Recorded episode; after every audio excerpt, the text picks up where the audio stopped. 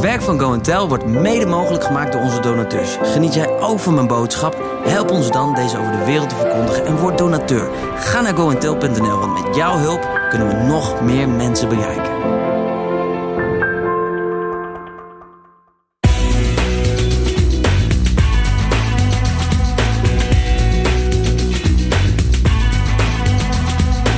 Goed dat je er bent. Wat doe je als je man, een succesvolle voorganger uit Amerika, van de ene op de andere dag uit het leven stapt? Kayla Staklijn sprak hierover met David tijdens Simply Jesus Come Together.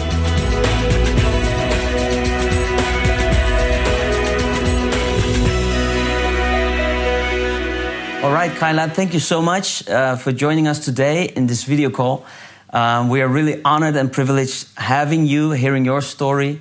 Um, so we're really excited uh, about this call. Thank you so much for having me. I'm so honored to be here.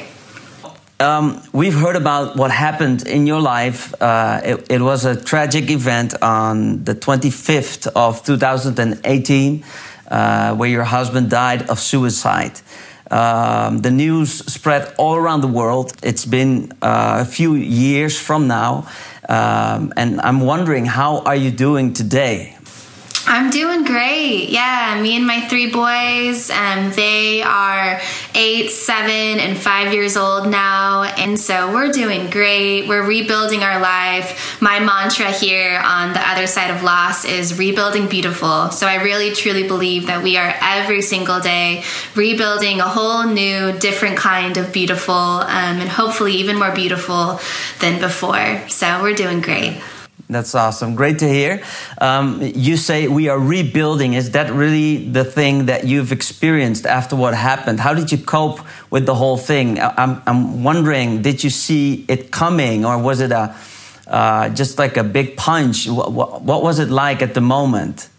Yeah, you know, the suicide, Andrew had struggled with his mental health. It was a very quick struggle. Um, he had onset of panic attacks in the fall of 2017 and we um, about six months later got a depression diagnosis. And so we had this season it was really a summer where he battled with depression and we were doing everything we knew to do to get him better. And we actually thought he was getting better. And so at the end of july in 2018 um, the doctors released him to go back to work and he went back to work and hit the ground running and gave two powerful messages, two back to back weekends. He talked about mental health and he talked about his struggle with depression and anxiety. And it was powerful. I mean, church was packed and it was really powerful. His vulnerability and transparency um, was so appreciated.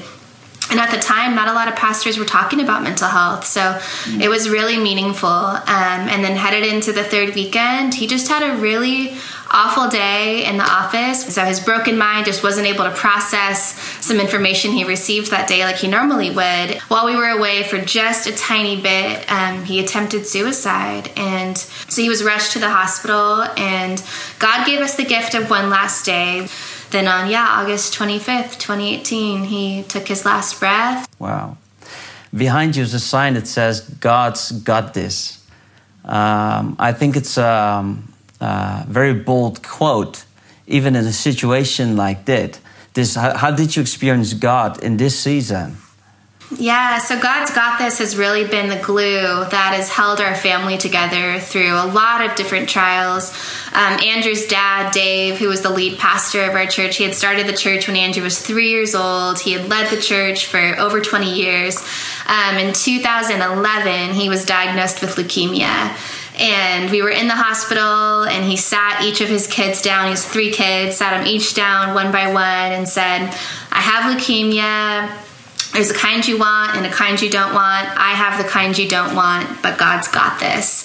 That phrase, God's got this, I mean, for us, it just means that no matter what we go through, no matter what we face, um, no matter what trials or what suffering or what loss, no matter what we go through, God is sovereign, God's in control. God's got this. We can trust Him. We can lean into Him, even when we do not understand. Like I, I, I do not understand why this happened, but I, I see the good that you've and that's come out of it because so much good has come out of it. Like the stories that have come out of Andrew's loss have been have blown me away. They've been so powerful. I mean, right away, I was able to see that God was going to use this story for good, and He was going to squeeze as much purpose as He could out of it and he has. People who have said, Your public grief has saved my life, or Andrew's death has saved my life, or the way that you've talked about suicide has helped me open up and talk about my own suicidal ideation, and I've gotten the help I need. God has been at work um, the whole time. So, listening to you, it's kind of like you say, he's kind of the seed in the soil when he died that actually produced a lot of fruit and, and he became the salvation of many, many other people it's an amazing, it's an amazing testimony. And I think it's a comfort for you knowing all these lives that are changed uh, and touched, even through his message, even today, even in this place. What I was wondering, did you have a moment that he talked to you about these feelings, about these thoughts about suicide?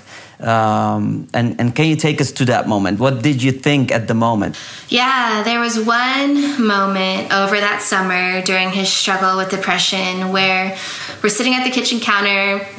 I'm venting to Andrew. and he was venting to me as well and talking about his own struggle. And we are kind of just venting back and forth. And his response to me, he was telling me that he was up in the middle of the night the night before and he had his staff organization charts spread all over the counter and he was feeling super overwhelmed and he thought about killing himself and I'll never forget my reaction to his admission in that moment. I, I, totally reacted out of my own emotion and I said, Andrew, that is so selfish. You would never do that. I can't believe you even said that. You would never do that to me and the boys. Here I am telling you I'm exhausted and you're telling me you're just gonna leave me. Like I said all the things you're not supposed to say. And so since his death, you know, I've learned that there is a better way and there's there's a way to respond from a heart of love instead of reacting out of our own emotion. And so we can take a couple steps back. We can lean in. We can talk less. We can ask questions. Questions like, do you have a suicide plan? What problem are you trying to solve through suicide? Do you know when or how you would do it? How often do you think about it? Um, questions are so powerful. I mean, they can really change the game and they can lead to solutions maybe they had never thought about before. You know, I, am wondering um, when you said to Andrew, "No, you won't ever do that to me." Uh, what was his response? Because I would say, like, no, no, for sure, I wouldn't do it. I, I think there's a lot of people out there that have promised their loved ones um, to never um, do something like that. Yet the struggle was so hard that they end up doing it, um, and then their loved ones are left um, and they kind of feel like, hey, you promised. Yeah, um, like I said, his response to me was, Kayla, you need to come up with something better to say. That's not what you say to someone who's struggling with suicidal thoughts. And I think it was really real for him. I think him saying that out loud, that was the first time he had said that out loud. And I think he was looking for empathy and compassion and for me to crawl into that dark space with him and just sit with him and hold him and shut up and stop talking and just sit with him and hold him. And I didn't see it that way. I had no idea. And so he didn't give me any empty promises. He didn't say, no, I would never do that. I know that would never happen. I think he was really scared of, of those thoughts. I think it was really um, a scary time for him. And that's why I, I titled, I wrote a book about our story and I titled the book Fear Gone Wild. And that's what it really felt like. It felt like there was this fear that had crept in through these panic attacks and had just spread like wildfire. And so he was really afraid. And I don't think I fully understood how afraid he was or how much pain he was in until it was too late. I think, you know, somebody made the um, suggestion one day. It's like uh, standing in a, a building on fire. And it's either you stay inside the building and you burn or you jump out uh, as an escape. Um, and I think the, the, the, mental kind of pain that people carry uh, is something that's, well, not really visible for the eye, but it's maybe even harder than literal pain in your body. Um, thinking about this pandemic season, people dying of COVID, and that's what we see, you know, on, on the news and everywhere. Um, but um, I think the real damage, uh, the mental damage that's hard to see for the, for the eye, um, is big on the agenda today. Um, and I would really want to ask you what is your um, main message to the church? Yeah, I would say, you know, I'm always trying to bridge the gap between mental health and ministry. And I think the way that we do bridge that gap is remembering that mental illness is not a choice. Mental illness is not a sin issue. Mental illness doesn't disqualify anybody from ministry. It's a real physical illness, it's a real chemical imbalance happening in the brain. I think stopping and taking a couple steps back and remembering, I have no idea. I have no idea what it's like to walk in their shoes. I have no idea what it's like to live with the pain that they're living with.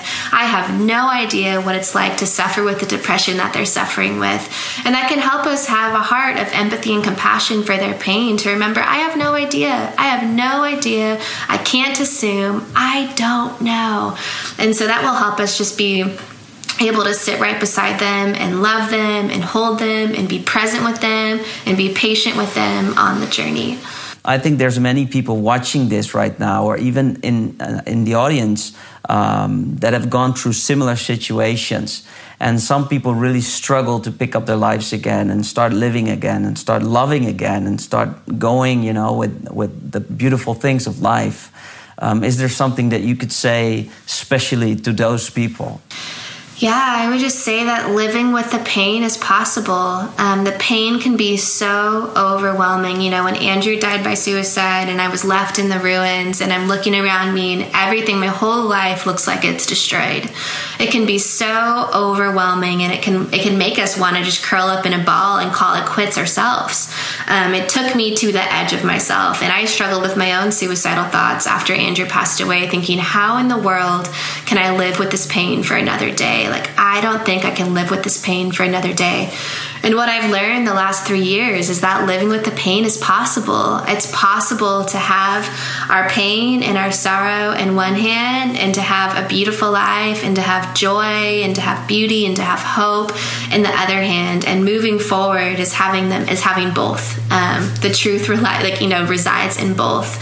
And so for me, that's what it's been. It's been honoring my pain and honoring Andrew's story and honoring Andrew's life, but also honoring the one life I've been given. And if you're still alive, then God's not done with you yet. Your life's not over. You're still here. You still have breath in your lungs. You still have purpose.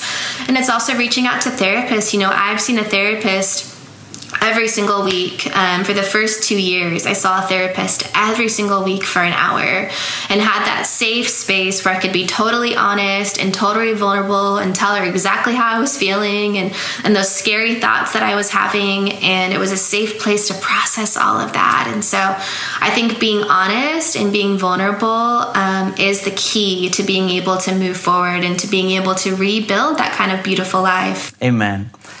Thank you so much for sharing your heart with us. Um, I know it's really going to, to have a great impact in our nation.